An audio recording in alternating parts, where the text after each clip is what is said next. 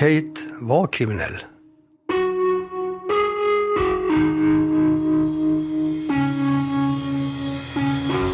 Så när han kom ut igen så var han den sämsta ambassadören för det här målet, för det här caset.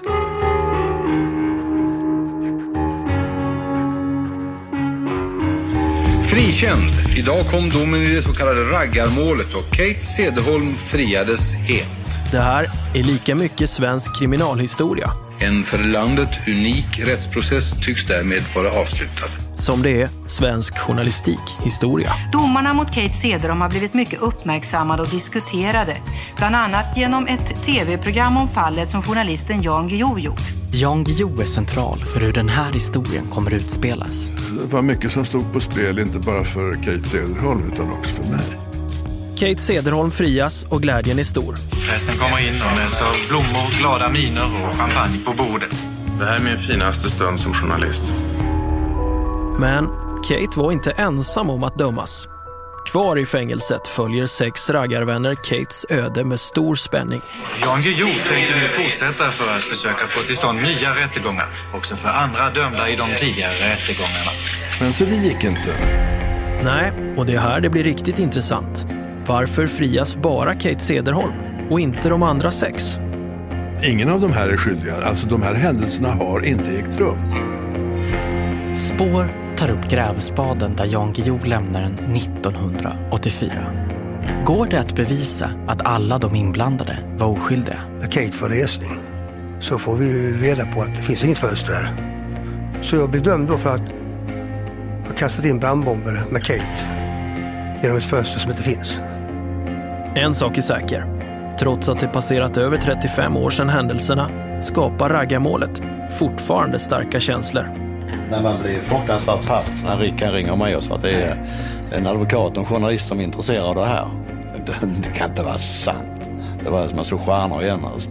Ska verkligen sanningen komma fram? Det här är Spår med Anton Berg Och Martin Jonsson. Säsong 4, Raggarmordet. Ja, det är en väldigt eh, invecklad historia så att det fin- finns ju så många aspekter. Det här är Jan Guillou. Han kan förmodligen den här historien allra bäst. Ni som lyssnar via Acasts app kommer att få bilder direkt i er mobil som hjälper oss berätta den här historien så bra som möjligt. Just nu ser ni till exempel en bild på Jan Guillou. Senare kommer kartor, skisser, textformuleringar från dokument och andra bilder dyka upp. Det var Jan Guillou som började nysta i raggarmordet och det var Jan Guillou som, tillsammans med jurister, fick Kate Cederholm frikänd. Därför börjar vi också vår historia hemma hos journalisten och författaren Jan Guillou.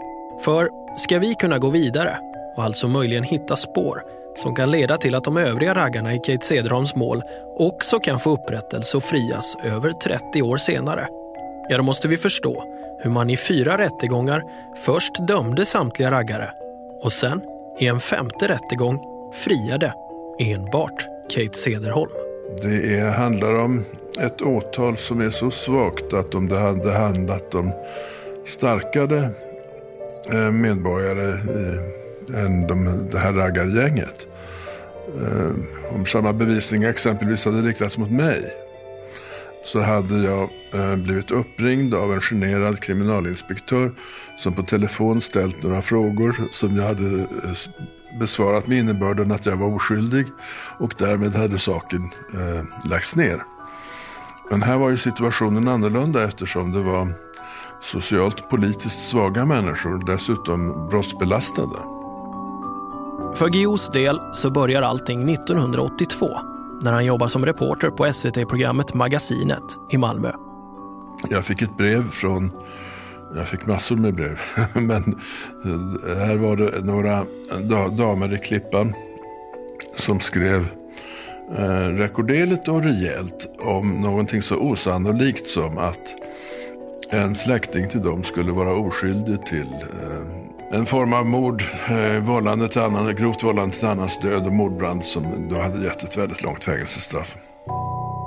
Guillou menar att han till en början är skeptisk just på grund av att brottet är så grovt.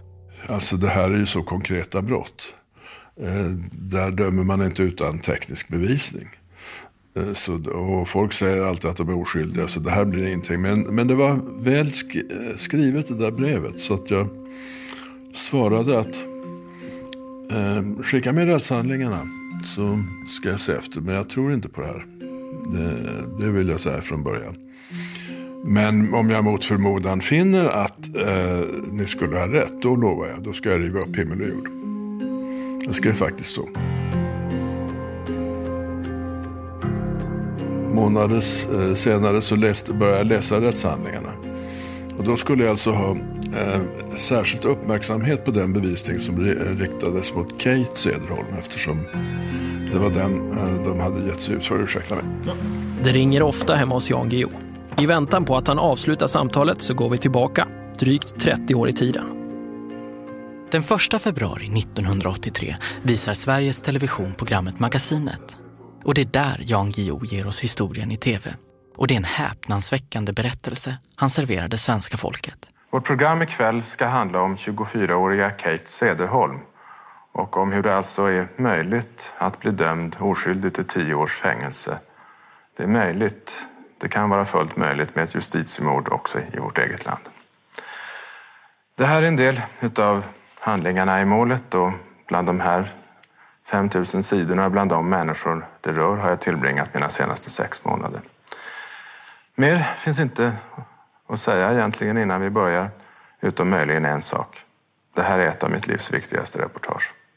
Ja, det är det. Därför att mycket, det var det viktigaste reportaget i mitt liv. Så tillvida att hade jag misslyckats med det där så hade jag åkt ut från Sveriges Television och det hade blivit jubel och klang i de övriga medierna som hade hävdat de här raggarnas skuld. Och, eh, så att det var mycket som stod på spel, inte bara för Kate Cederholm utan också för mig.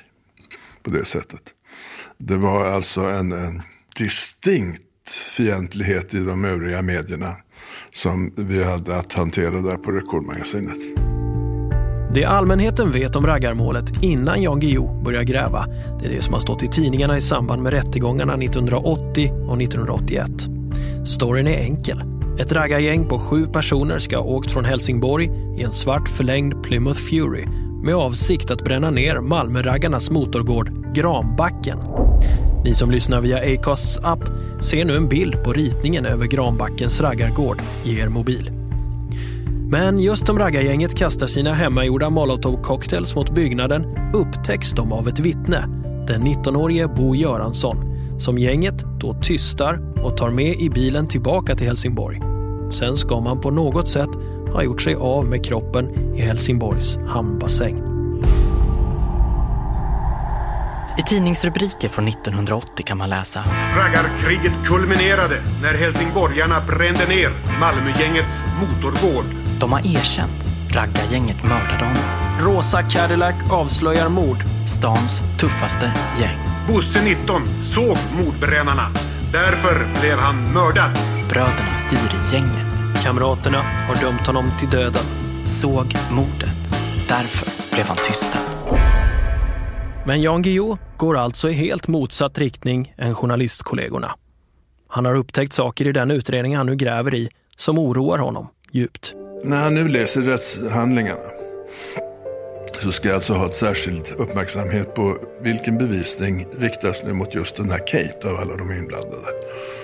Och när jag läst där så, så finner jag att va, det finns ju ingen. Med en rimlig advokat skulle han ju ha gått, eller, gått loss. Det eh, borde inte ens ha häktats, vad är detta? Och så tar jag fram det där brevet eh, där jag lovat att riva upp himmel och jord. Okej, okay, då gör jag det. Reportaget börjar med en svartvit bild på en skånsk bondgård. Det här var Granbacken, en före detta bondgård som Malmö stad hade upplåtit åt raggarklubben Roadrunners. Vitkalkade väggar med trägavel och tegeltak. Natten mellan den 24 och 25 november 1979 mitt under en fest med över hundra berusade raggare började det brinna. Branden fick ett våldsamt förlopp och raggarna i Roadrunners blev omedelbart övertygade om att det måste vara fråga om mordbrand. Branden i raggargården utanför Malmö är den ena av två avgörande händelser i fallet raggarmordet. Det bygger från början på två händelser som inte har något samband. Eh, kvällen före branden i den här raggargården så försvinner en ung man. För några dagar efter branden visade sig att 19-åriga Bo Göransson var försvunnen. Visserligen försvunnen ett och ett halvt dygn före branden på Granbacken men ryktena om mord kom genast i svang. Han hittas långt senare drunknad i Helsingborgs hamn. Och ingen eh, vet till denna dag vad som hände honom. Dagen efter alltså att han har försvunnit så brinner Raggargården i eh, utanför Malmö. Eh, det finns ingen teknisk bevisning om hur det där har gått till. Det kan ha varit vad som helst. Men det finns inga lämningar efter bensin eller något liknande.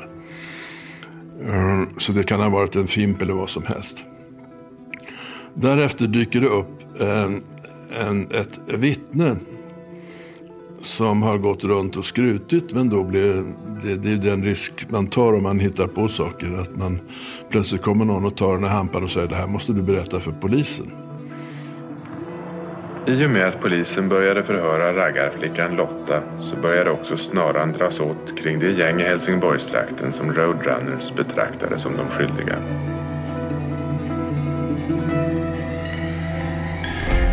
Det som Lotta berättar är en historia som hela målet kommer vila på.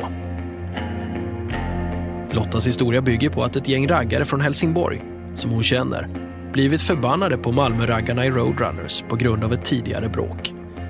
Man har åkt ner till Malmö, tänt på Roadrunners gård, blivit överraskade av vittnet Bo Göransson, slagit ner honom och tagit med sig honom till Helsingborg där man sen tagit livet av honom genom att kasta honom i hamnbassängen.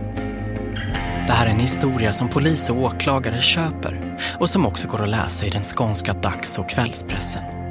Två utav de sju misstänkta Helsingborgsraggarna har dessutom erkänt att det gått till ungefär på det här viset. Men sen har de två visserligen tagit tillbaka sina erkännanden. Men det faktum att det finns erkännanden i polisutredningen stärker åklagarens version.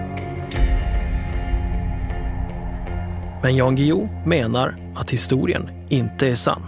Sprickorna mellan de här två historierna är så pass vida att man kan visa på dem. Spricka nummer ett. Vittnet Bo Göransson och det förlorade dygnet.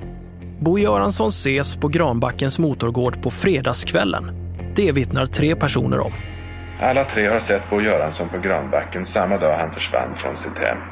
Och det var alltså dagen innan det brann. Ingen har däremot sett Bo Göransson dagen då det brann, varken på Granbacken eller någon annanstans. I domstolarnas version om hur Bo Göransson dog saknas ett helt dygn och det finns ingen förklaring till det.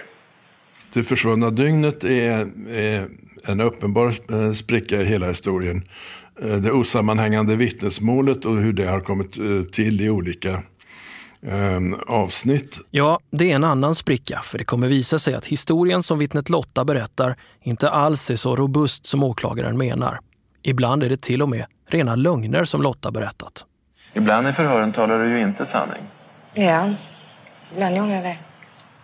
Eller jag talar inte sanning och talar inte sanning. Det gjorde jag väl på ett vis, men jag undanhöll sanning. Jag undanhöll saker mm. kanske. Nej, jag tänker inte bara på det. Jag tänker på Särskilt en gång när du berättade en historia om hur du själv var med nere ja. i branden i Granbacken. Mm. Det är en ganska lång invecklad historia där du målande beskriver hur du själv var med. Ja, jo. Men det var inte sant har jag förstått. Nej, det var inte sant. En tredje spricka är polisens förundersökning. Jan Guillou menar att den är ensidig och bara innehåller de delar av bevisningen som talar för teorin att raggarna är skyldiga. Polisens undersökningar där de där de eh, döljer alla sådana fakta som, som talar till eh, åklagarens eh, nackdel. Exempelvis gjorde de samma provkörning som jag. Och då är vi framme vid en bit tv-historia. Ni som lyssnat på Spårs första säsong kommer nu förstå varifrån vi fick idén om att rekonstruera en misstänkt gärningsmans bilresa till ett brott. För det var precis det Jan Guillou visade i tv redan 1983. Vi befinner oss i eh, Klippan utanför Siv och Kristel Jönssons bostad. Och det här är en Plymouth Fury utav samma typ och samma årsmodell som den som skulle ha kört Kate Cederholm ner till brandplatsen i Malmös utkanter. Om Kate Cederholm skulle kunna vara skyldig så måste vi nu kunna göra om den körningen på en tid som understiger en timme. Vi ska se hur det går. Såväl åklagare som advokater och senare även tings och hovrätter tror på Kate Cederholms flickvän Kristel Jönsson och hennes mamma Siv och pappa Stig Jönsson.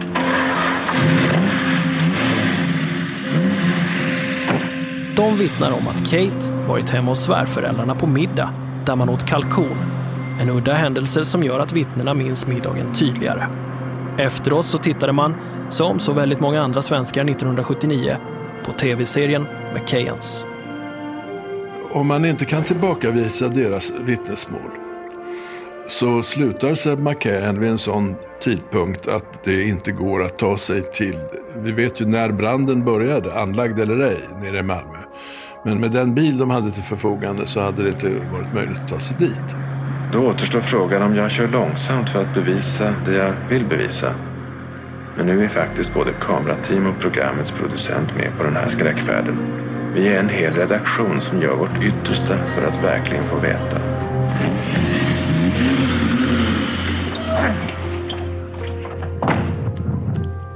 Kate Cederholm har just missat branden på Granbacken med 18 minuter. Alltså med den utgångspunkten så, för, så går det att eh, hänga upp en eh, ganska stark motbevisning på att det, eh, den, eh, den teori som åklagaren har lagt fram är inte eh, matematiskt hållbar. Och du menar att polisen har gjort detta men sen, och kommit fram till samma sak som dig men, men gömt den slutsatsen någonstans i slask eller så? Ja, de hade eh, gjort den här provkörningen men redovisade inte resultatet. Och jag tolkar eh, det som att eh, som ett uttryck för en inte alltför ovanlig polisiär inställning att de här jäklarna har, eh, har de inte gjort det här så har de gjort något annat i alla fall. Och, och det finns ingen anledning att visa misskund mot sådana här förbrytare. Slutsatsen av det här är mycket enkel. Den är nämligen att om Siv och Kristel Jönsson talar sanning, då är Kate Cederholm oskyldig. Någon annan möjlighet finns inte.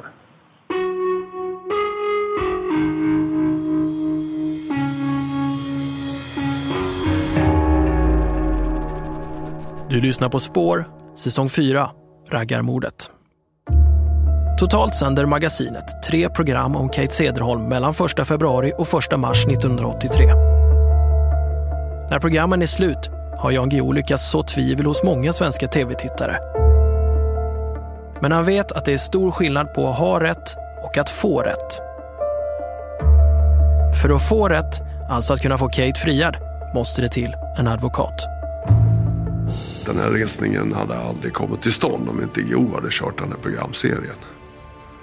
Det, det tror jag inte är osanning att säga det faktiskt. Det här är advokat Jan Karlsson.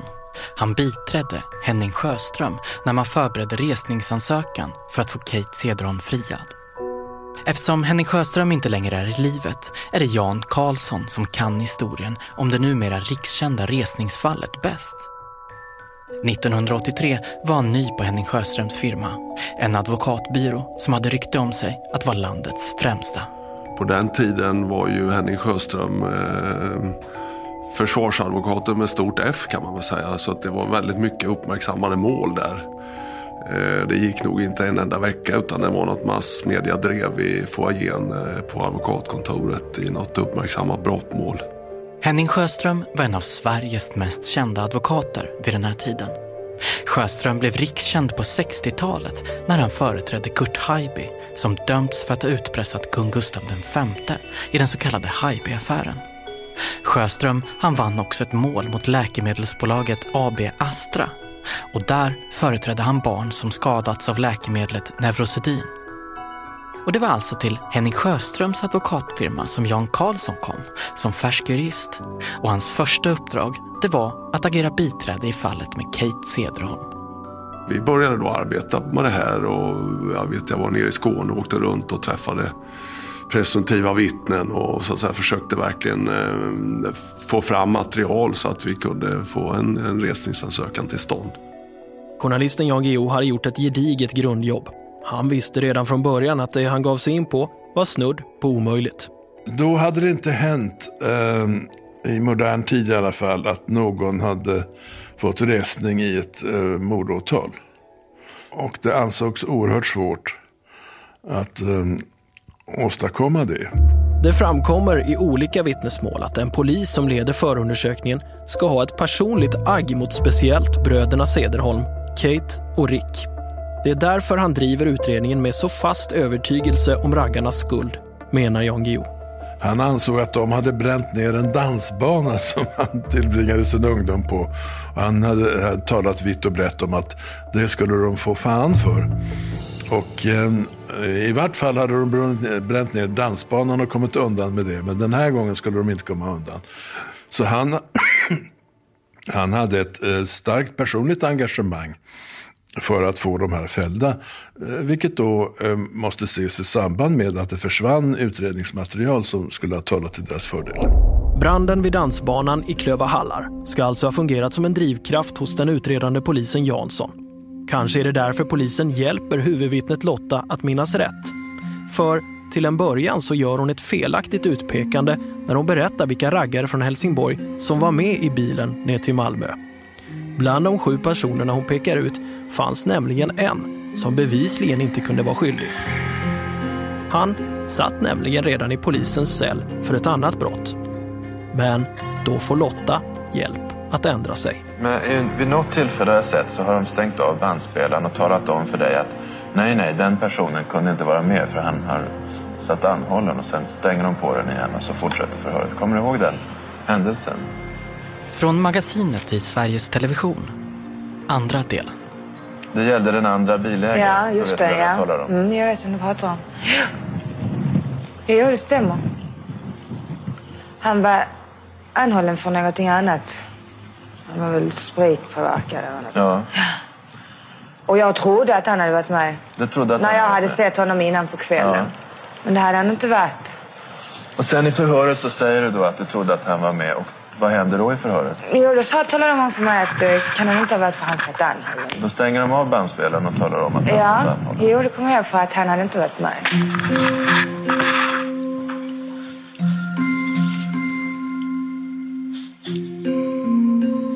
Samtidigt som Jan Guillou och Magasinet-redaktionen arbetade med tv-programmen skrev Jan på en bok om fallet. Och det var boken som ledde fram till själva resultatet, menar han. Planen var mycket enkel. När jag nu snabbskriver den här boken, som ju bara är en summering av tv-programmen egentligen, så kommer alla de stora morgontidningarna att med gnisslande tänder eh, ge den här boken till recension till varsin juristprofessor. För att riktigt ordentligt få mig täppa till käften på mig. Och det gjorde de. Bara ett problem nu för morgonpressen. Alla juristprofessorerna sa att jag hade rätt. Och även om nu Högsta domstolens ärade ledamöter inte är så imponerade av tv-program. Så när rektor för Uppsala universitet skriver att eh, rättrådighetens ljus eh, lyser klart, sade redan Aristoteles. Och det må mig vara förunnat att tro att Jan Guillou må ha hittat de, delar av detta sken eller något sånt där svulstigt så eh, hickade de till justitieråden. Och det var ytterligare två professorer i straffrätt eh, som skrev i Sydsvenskan och i Dagens Nyheter. Och alla dessa tre juristprofessorer säger att det här är skandal. Han måste ha en resning den här mannen. Då small det till i Högsta domstolen. Ja, i november 1983 kommer så plötsligt beskedet som ansetts så svårt att uppnå. För första gången i modern tid ges en mordåtalad person, dömd i två svenska rättsinstanser, en ny chans. Vi hör Dagens Eko. Idag har Högsta domstolen beslutat om resning i det uppmärksammade raggarmålet där Kate Cederholm dömdes till tio års fängelse bland annat för mord. Nu säger HD i sitt beslut att omständigheterna i målet mot Cederholm varit särpräglade och att bevisningen inger tvivel. Det journalistiska kan man ju säga, det var ju i stort sett redan klart när vi fick resningsansökan beviljad. Advokaten och Henning Sjöströms biträde, Jan Karlsson, igen. Då hade ju Guillou gjort sitt så att säga. Då hade han ju åstadkommit det här vill jag påstå. Eh, och, och jag ska inte förringa det vi gjorde men, men alltså, det var ju ingenting tycker jag jämfört med hans program. Så det, det, det ska han ha all eloge för. Men sen när det blev klart att det skulle bli en ny rättegång, då var det ju dags att kavla upp ärmarna. Va? Och få liksom ordning och reda i det där materialet som fanns på lite olika håll. Tillsammans med Henning Sjöström företräder Jan Karlsson nu den rikskände Kate Cederholm. För historien om raggargänget i Helsingborg har nu lämnat Skåne och blivit en nationell angelägenhet. Och domen som Kate Cederholm vill bli friad från är en historia som nu Jan Karlsson lär sig utan till. Han läser förhören, han träffar vittnen och kontrollerar omständigheter som kalkonmiddagar och permissionshelger om och om igen. Förutom att Kate Cederholm menar sig ha alibi, något som Jan Guillou visat med sin testkörning av raggarbilen, den förlängda Plymouth Furyn, så upptäcker Jan Karlsson att de som nämner Kate Cederholms namn, två av raggarna i gänget, Christer Andersson och Kenneth Forsberg, senare tagit tillbaka utpekandet och menar att Kate Cederholm aldrig skulle varit med. I princip så har åklagaren stött hela sitt case på uppgifter som två eh, då medmisstänkta eller medåtalade eh, uppgifter från förundersökning som de egentligen har tagit tillbaka. Och ehm, eh, det är ju väldigt vagt. Och åklagarens huvudvittne, Lotta, hon har aldrig nämnt Kate Cederholms namn. För enligt åtalet så ska raggarna, efter de tänt eld på raggargården i Malmö och också tagit med sig vittnet Bo Göransson, åkt hem till Lottas lägenhet i Helsingborg. Där man alltså ska ha flyttat Bo Göranssons kropp från Plymouth Furin till en rosa Cadillac. Om han var, eh, sannolikt var han väl inte avliden då, men han, han, han fanns ju med där. Medvetslös sannolikt. Eh, då är det ju, finns det ju ingen som har påstått att eh, Kate Cederholm fanns där. Den omständigheten får anses som extra anmärkningsvärd med tanke på att Kate Cederholm av flera pekats ut som ledare för gänget. Och man tidigare har sagt i tidiga uppgifter pekat ut Kate Cederholm som någon eh, drivande gestalt person i hela den här händelsen så är det ju fullständigt osannolikt att han så att säga, inte ens skulle varit med till Helsingborg tillbaka i, när man kommer med den här personen som är medvetslös och sannolikt. If you're looking for plump lips that last, you need to know about Juvederm lip fillers. With Juvederm Volbella XC and Juvederm Ultra XC, your lip look, whether it's subtle or bold, can last up to one full year with optimal treatment and no additional maintenance. Find a licensed specialist and see if it's right for you at juvederm.com today. That's J U V E D E R M.com. Add fullness to lips in adults over 21 with Juvederm Volbella XC or Juvederm Ultra XC. Do not use if you have severe allergies or a history of severe allergic reactions, or if you're allergic to lidocaine or the proteins used in Juvederm. Tell your doctor if you have a history of scarring or taking medicines that decrease the body's immune response or that can prolong bleeding. Common side effects include injection site redness, swelling, pain, tenderness, firmness, lumps, bumps, bruising, discoloration, or itching. As with all fillers, there's a rare risk of unintentional injection into a blood vessel, which can cause vision abnormalities, blindness, stroke, temporary scabs, or scarring. For full important safety information, visit juvederm.com. Ready to pop the question? The jewelers at BlueNile.com have got sparkle down to a science with beautiful lab grown diamonds worthy of your most brilliant moments. Their lab grown diamonds are independently graded and guaranteed identical to natural diamonds, and they're ready to ship to your door. Go to Bluenile.com and use promo code LISTEN to get $50 off your purchase of $500 or more. That's code LISTEN at Bluenile.com for $50 off. Bluenile.com code LISTEN. Det här var ju inga liksom, eh, oförvitliga vanliga svenskar, de här bröderna Cederholm. Det här är Torgny Palm, då en ung assistentåklagare på Åklagarmyndigheten vid Malmö stad. Torgny Palm, han jobbade nära Kai Kalin, den åklagare som först hade hand om raggarmålet. Jag jobbade på samma kammare. Det var, det var tredje kammaren i, i Malmö. Torgny Palm minns att det var en speciell känsla på Åklagarmyndigheten i Malmö när beslutet om resningen kom. Man hade varit övertygad om raggarnas skuld och var skeptisk till de nya vittnena som trädde fram för att ge Kate Cederholm alibi i och med kalkonmiddagen som sen avslutades framför McKayens varit skeptisk till dem. Men de behöver inte tala sanning utan de kan ju också ta fel på tider och så. Va? Och det är klart att det fanns väl ett intresse för för de vid middagen inblandade att, eh, att eh, låta den tidsmässigt bli så bra som möjligt för, för Kate Cederholm naturligtvis. Men nu skulle alltså målet mot Kate Cederholm tas om i hovrätten. Beslutet var mycket ovanligt och en tydlig knäpp på näsan för både polis och åklagare. Ja, det blev ju eh, en ganska upphaussad stämning får man säga. Det var ju ändå någonting man inte hade trott, eller ja, åtminstone inte hade man ju hoppats på det. Även eh, var det nog lite uppjagat eftersom det var Henning Sjöström som skulle vara försvarare. Och Henning på den tiden, eh, han var ju utan tvekan Sveriges bästa eh, brottmålsadvokat. Även om det var många som hade synpunkter på honom så, så måste man nog säga att han var, han var ju ändå respekterad och man visste att han var svår att processa mot och sådär. Och Henning Sjöström levde upp till sitt rykte. Särskilt när han skulle förhöra polisen Jansson som lett utredningen mot raggargänget. Mot Jansson kommer jag ju väl ihåg när han hördes för då var det uppskruvat eh, till max. För då var en massa kollegor till honom var på plats som Torgny Palm minns det hade Henning Sjöström redan före lunchpausen börjat sitt mindgame med Jansson genom att högt i salen utbrista. Jansson, nu är du min. Alltså, Henning hade ju en, en tordenstämma, alltså riktigt sån hög och, och skarp röst. Orden fick Jansson att reagera kraftigt, menar Torgny Palm. Jansson vände sig mot sina liksom, kollegor. Hör ni, han hotar mig eller någonting sånt, sa han. Efter lunchen fortsätter Henning Sjöström med samma dramatiska förhörsstil. Henning börjar ju sen förhöret med eh, att han sa högt. Det var alldeles tyst i salen, så sa han klöva hallar. Han bara Det blev liksom alldeles tyst alla undrar vad, vad är nu detta? Sen sa han det igen eh, också, klöva hallar Jansson. Säger det dig något?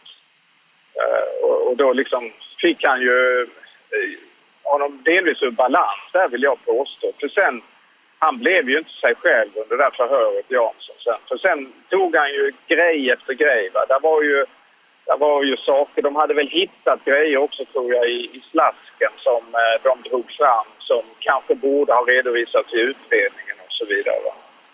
Eh, så att eh, det var ju ett, ett eh, lyckat förhör från försvarets sida, det är ju ingen tvekan om det.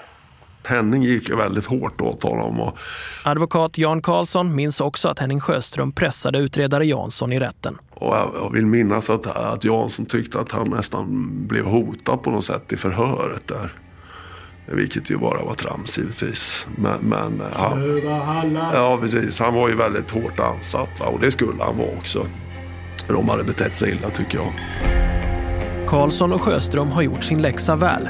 Utredningsmaterialet är på över 3000 sidor men trots storleken på pappershögarna så lyckas Sjöström redan första rättegångsdagen visa på ett dokument som han anser att åklagaren och polisen dolt. Enligt Aftonbladets reporter så gick det ett sus genom den fullsatta rättssalen när Sjöström åberopade ett tidigare okänt polis-PM. Det innehåller det allra första tipset om tänkbara förövare daterat till den 27 november 1979 bara två dagar efter branden på Granbackens motorgård. Där pekas ett raggargäng från Malmö ut som skyldiga.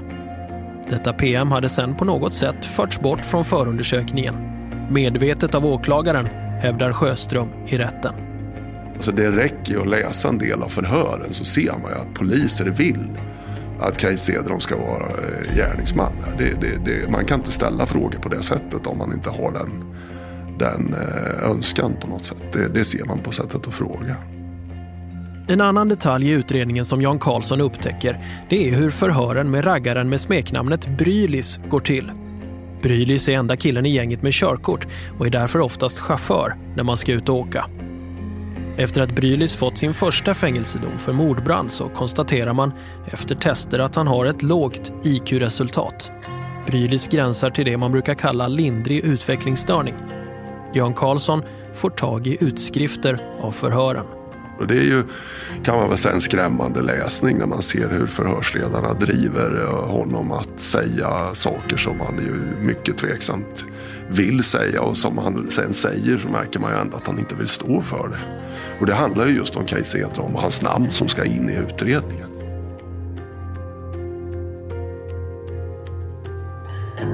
Vi ska återkomma till förhören med Brylis i kommande avsnitt av Spår. Både Jan Karlsson och Henning Sjöström känner tillförsikt när rättegången avslutas.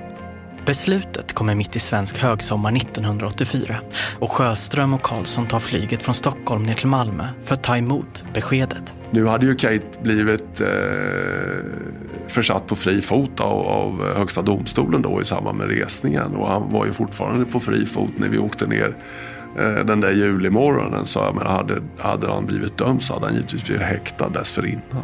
Eh, så att eh, hur det skulle gå var väl möjligen eh, ganska klart redan. Men jag tror inte vi tänkte så mycket på det utan vi, vi var nog ganska spända när vi åkte ner ändå tror jag.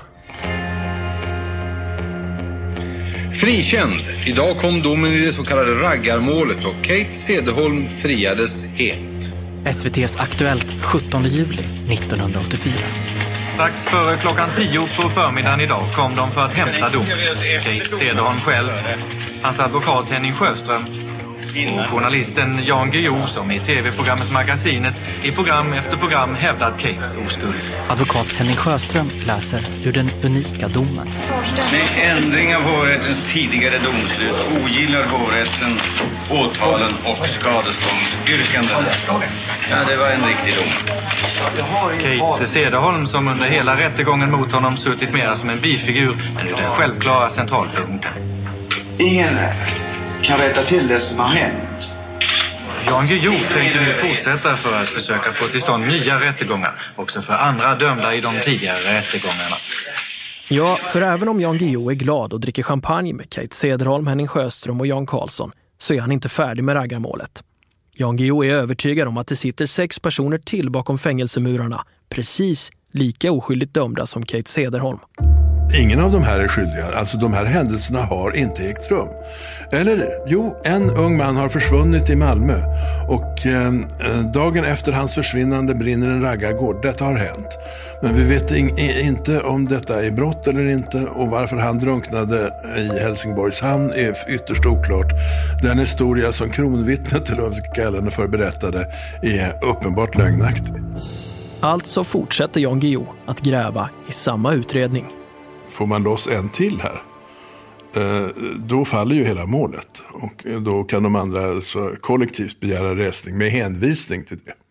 Så nästa person som får sitt fall utrett i Sveriges Televisions program Magasinet är Mikael Johannesson. Det gick att göra en motsvarande motbevisning när det gällde Mikael Johannesson. Att han hade varit på annan plats. Han hade helt enkelt alibi. Och han är dessutom dömd för att ha tagit order av Kate.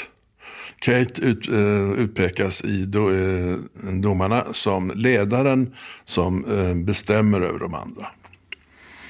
Och eh, nu, nu skulle man då tycka, när det gick att visa att denna Mikael Johannesson inte hade varit där och att han dessutom är dömd för att ha tagit eh, order från Kate som ju har fått resning och blivit friad och bevisligen således inte var ledare för den här operationen. Så borde det ha resulterat i eh, resning först för Mikael Johannesson och i så fall för resten av dem också. Men så det gick inte.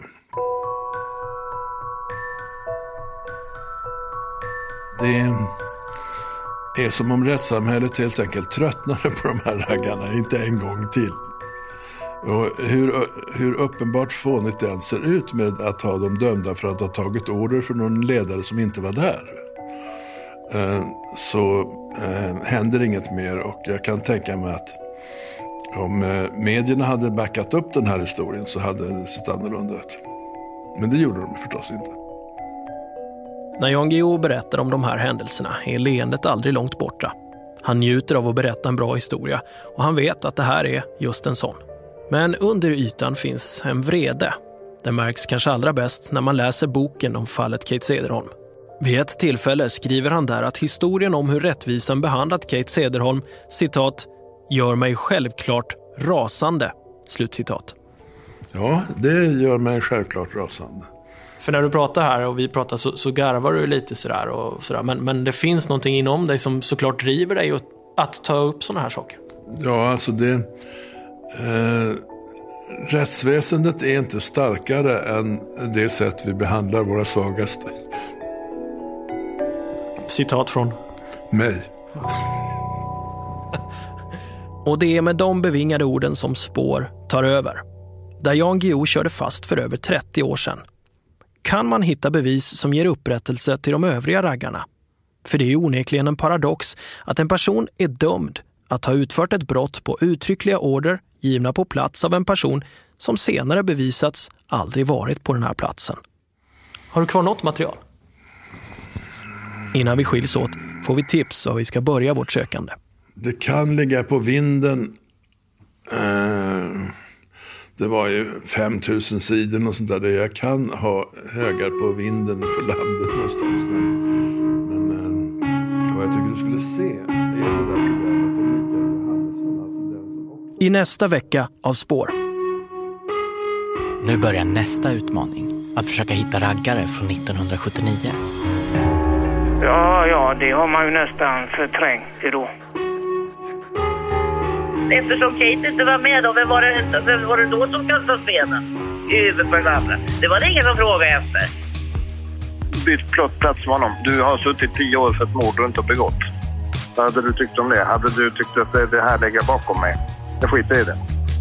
Anton reser till Malmö stadsarkiv och hittar en gammal förundersökning med ett förvånansvärt nytt tillägg. Brev som ligger i någon plastficka daterat 99. Fan är det här? Och i Helsingborg läser jag dagböcker som pekar mot att en av raggarna kan ha haft alibi. Jag har alla mina dagböcker kvar tror jag. Nej, inte alla men eh, ja, jag, var- jag, jag hittade dem nu så skulle jag slänga dem men så bara kände jag att nej.